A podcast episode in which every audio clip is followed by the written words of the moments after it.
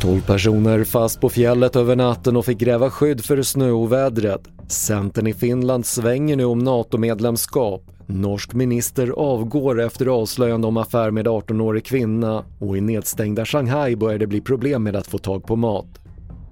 TV4-nyheterna börjar med att 12 personer är fast på fjället vid Stora Sjöfallet i Gällivare kommun sedan igår eftermiddag.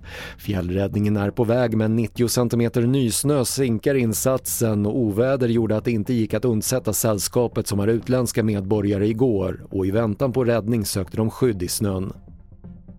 Så till Finland där Centern som traditionellt har varit för militär alliansfrihet svänger i NATO-frågan. Ett enhälligt partifullmäktige beslutade under eftermiddagen att ge partiledningen fullmakt att godkänna en finsk NATO-ansökan. Norges försvarsminister Odd Roger Enoksen avgår efter att det kommit fram att han hade en sexuell relation med en då 18-årig kvinna 2005. VG skriver att kvinnan träffade den då 50-årige Enoksen när hennes skolklass var på besök i Stortinget där han då var ledamot. Och omkring 25 miljoner människor tvingas hålla sig hemma i kinesiska storstaden Shanghai som är nedstängd på grund av omikronsmitta.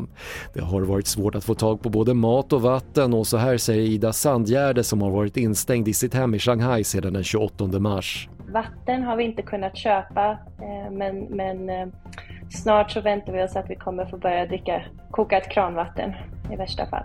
Vi har även ingått lite byteshandel med grannarna så um, efter att jag inte haft något kött på väldigt länge, något färskt kött, så fick jag det utav en granne eh, som skickade det över det till mitt hus med en säkerhetsvakt och jag skickade tillbaka lite färskt bröd till henne.